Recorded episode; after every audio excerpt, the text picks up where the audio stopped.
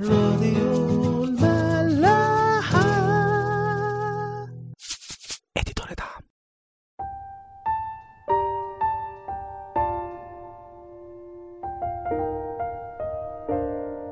مساء الخير واهلا بيكم في حلقة جديدة من برنامج عيش وملح.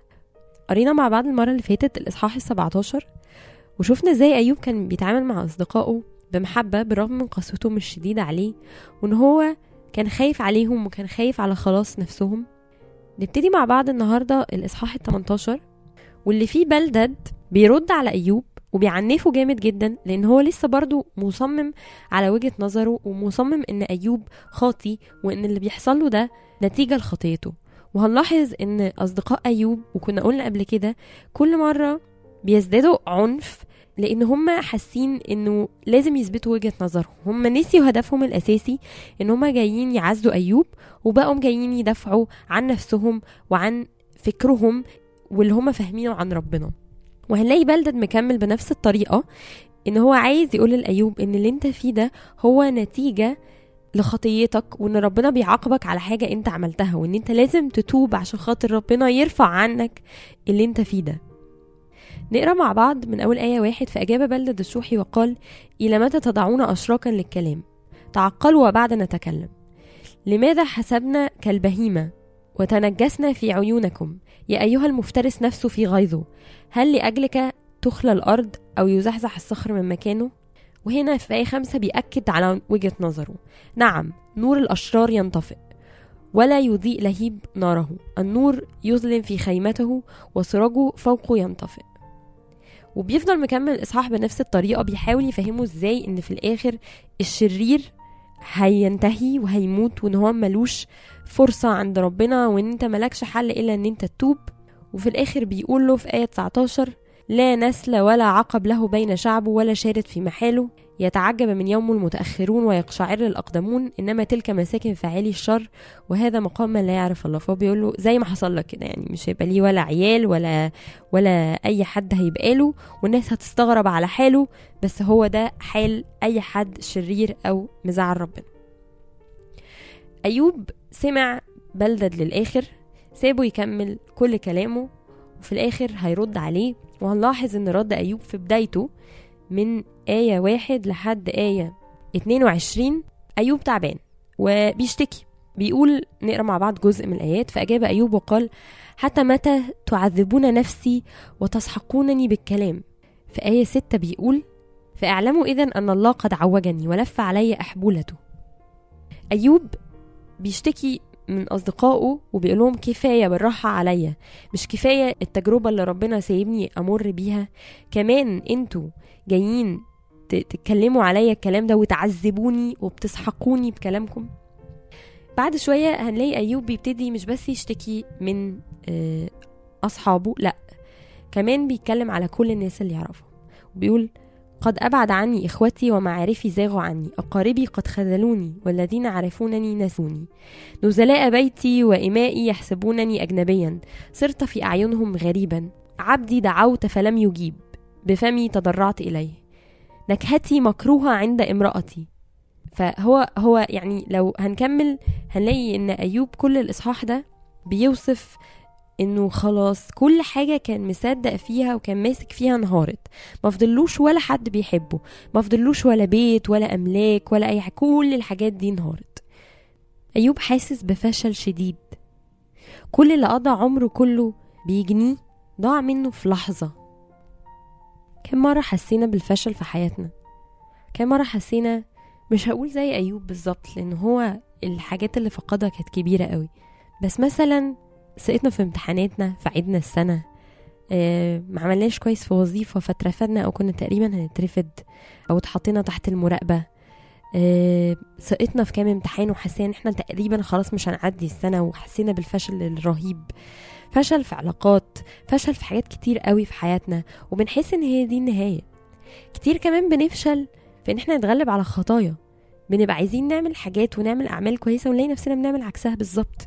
الفشل الإحساس بالفشل وإن أنت تبقى مش عارف تتحرك في الاتجاه اللي أنت نفسك فيه ده إحساس مش غريب على الإنسان وكتير قوي بنحسه في حياتنا.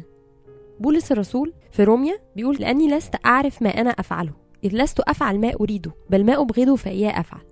وفي آية 19 بيقول لأني لست أفعل الصالح الذي أريده بل الشر الذي لست أريده فإياه أفعل. يعني أنا مش ماشي في الاتجاه اللي أنا عايزه. أنا ببقى عايز أعمل حاجة وبلاقي نفسي بعمل حاجة تانية خالص. أنا ببقى عايز أعمل حاجة كويسة وبلاقي نفسي بعمل حاجة وحشة. أنا ببقى عايزة أتغلب على الخطية دي وبلاقي نفسي بعملها برضو.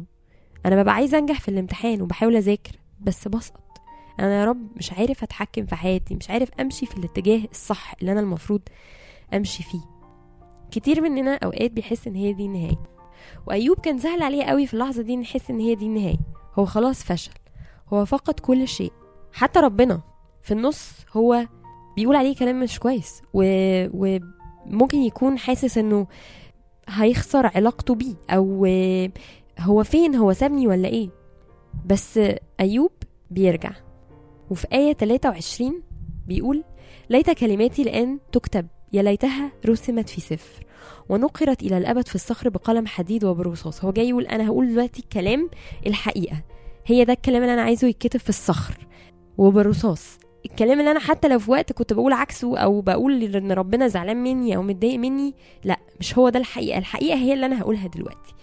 الحقيقة اللي هو بيقولها في آية 25 أما أنا فقد علمت أن ولي حي. أيوب وقبل ما يجي المسيح بسنين طويلة جدا كان عارف إنه جاي وإن هو حي.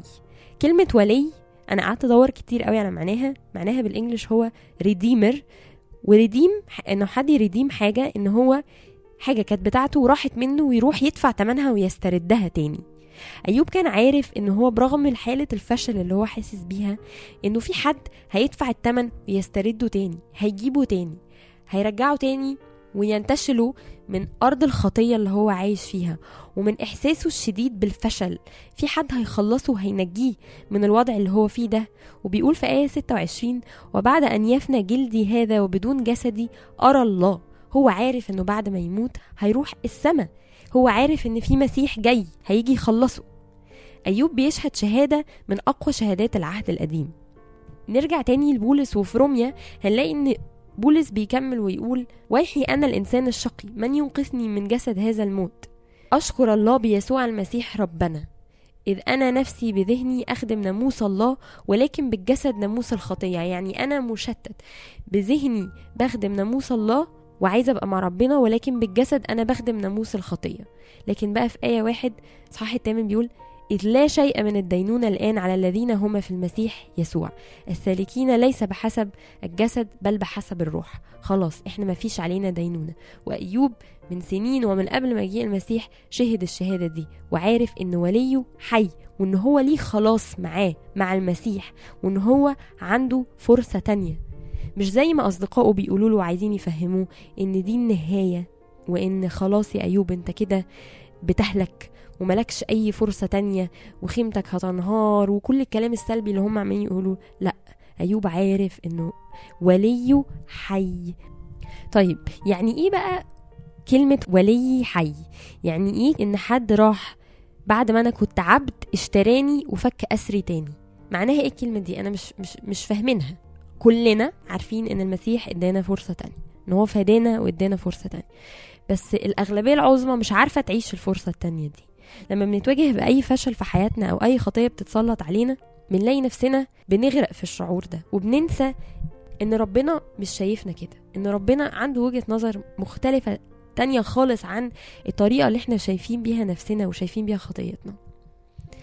عايزين نفتكر مع بعض موقف واحدة ست في يوم الصبح دخلوا عليها وفتحوا عليها الأبواب وشدوها من السرير مسكوها مع راجل تاني. الست دي اتفضحت فضيحة رهيبة اتشدت في الشوارع واتجرجرت وبالعافية لقت حاجة تلفها حوالين نفسها عشان ما تبقاش عريانة واتجرجرت في الشوارع مع رجالة كتير قوي وخدوها ورموها في النص. كلهم بيبصوا لها وبيدينوها أشد الإدانة على الخطية اللي هي كانت بترتكبها.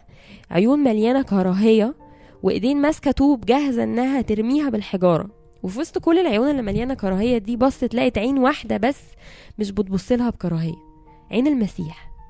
ولما سألوه وقالوا له نتصرف إزاي مع الست دي؟ يا معلم هذه المرأة أمسكت وهي تزني في ذات الفعل.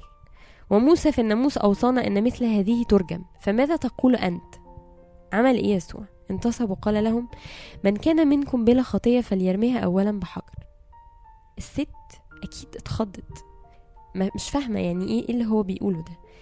يعني يعني هو مش هيقول لهم يموتوني؟ يعني هو مش بيكرهني زي بقية الناس دي؟ طب ليه؟ لما كل الناس اتفضت من حواليهم ومشيت يسوع قال لها يا امرأة أين هم أولئك المشتكون عليك؟ أما دانك أحد؟ فقالت لا أحد يا سيد. فقال لها يسوع ولا أنا أدينك اذهبي ولا تخطئي أيضا. هو ده ولينا. هي دي فرصتنا التانية. هي دي عينيه اللي شايفانا دايما بصورة حلوة أحسن ما إحنا شايفين نفسنا. هو عمره ما بيدنا هو هو نفسه اللي كان على الصليب بيقول يا أبتاه اغفر لهم لأنهم لا يعلمون ماذا يفعلون.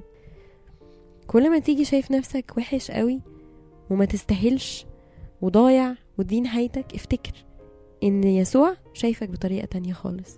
وإن يسوع مش شايف اللي أنت بتعمله ده بالعكس. هو اللي يمكن يدينك على اللي أنت بتعمله ده. هو فاتح دراعاته مستنيك تجيله عشان يقولك ولا أنا أدينك أيضا اذهب ولا تخطئ. أنت معاه؟ دايما عندك فرصة تانية. وأنت معاه دايما متسامح. ومش بس متسامح أنت كمان كل خطية ارتكبتها اتنست. أي وقعة وقعتها اتنست. هو وعدنا بكده. اوقات بنقف نصلي ربنا ونقول له فاكر يا رب لما عملنا كذا وكذا وكذا أشكرك يا رب قوي إن أنت في الوقت ده وقفت جنبي وسامحتني يا رب وغفرت لي خطيتي. أنا بحس إن ربنا في الوقت ده عايز يرد عليا ويقول لي لا أنا مش فاكر أنا مش فاكر. الخطية دي أنا نسيتها خلاص. هو ده وعده لينا. نقرأ مع بعض عبرانيين الإصحاح الثامن آية 12 لأني أكون صفوح عن اثامهم ولا أذكر خطاياهم وتعدياتهم فيما بعد ولا أذكر. يعني هو مش بس بيسامح هو كمان ما بيفتكرش. وهو ده معنى الفرصة التانية. وهو ده اللي كان بيتكلم عنه أيوب. هو ده معنى انه ولي حي إن في حد موجود اشتراه واداله فرصة جديدة. الحد ده غفر كل خطية هو ارتكبها. والحد ده نسي كل خطية هو ارتكبها. قدامه هو إنسان نظيف نقي وعارف إن هو في الآخر هيخلصه وهياخده معاه السما. هو ده مسيحنا وهو ده إيماننا. أيوب في كل مرة بيضرب لنا مثل مبهر. قد إيه هو ماسك في ربنا وبيعيش مبادئه وقيمه برغم الوقوع الكتير وبرغم الغلط الكتير لكن لأن هو عارف إن هو عنده فرصة تانية دايما بياخدها. ودايما بنلاقيه بيقول كلام سلبي ووحش وبيقع بس بيرجع تاني ويقول كلام إيجابي ويمسك في ربنا ومصدق إن هو في الآخر هيخلصه. أتمنى إن إحنا في وقوعنا وتجربتنا دايما نفتكر أيوب ونفتكر إن هو كان فاكر انه وليه حي. ونفتكر إحنا كمان إن إحنا عندنا نفس المخلص ونفس المحرر. ونشوف نفسنا بعينيه. ونعرف إننا لينا خلاص على إيديه. أشوفكم الحلقة الجاية. راديو ملاح. دي دنيا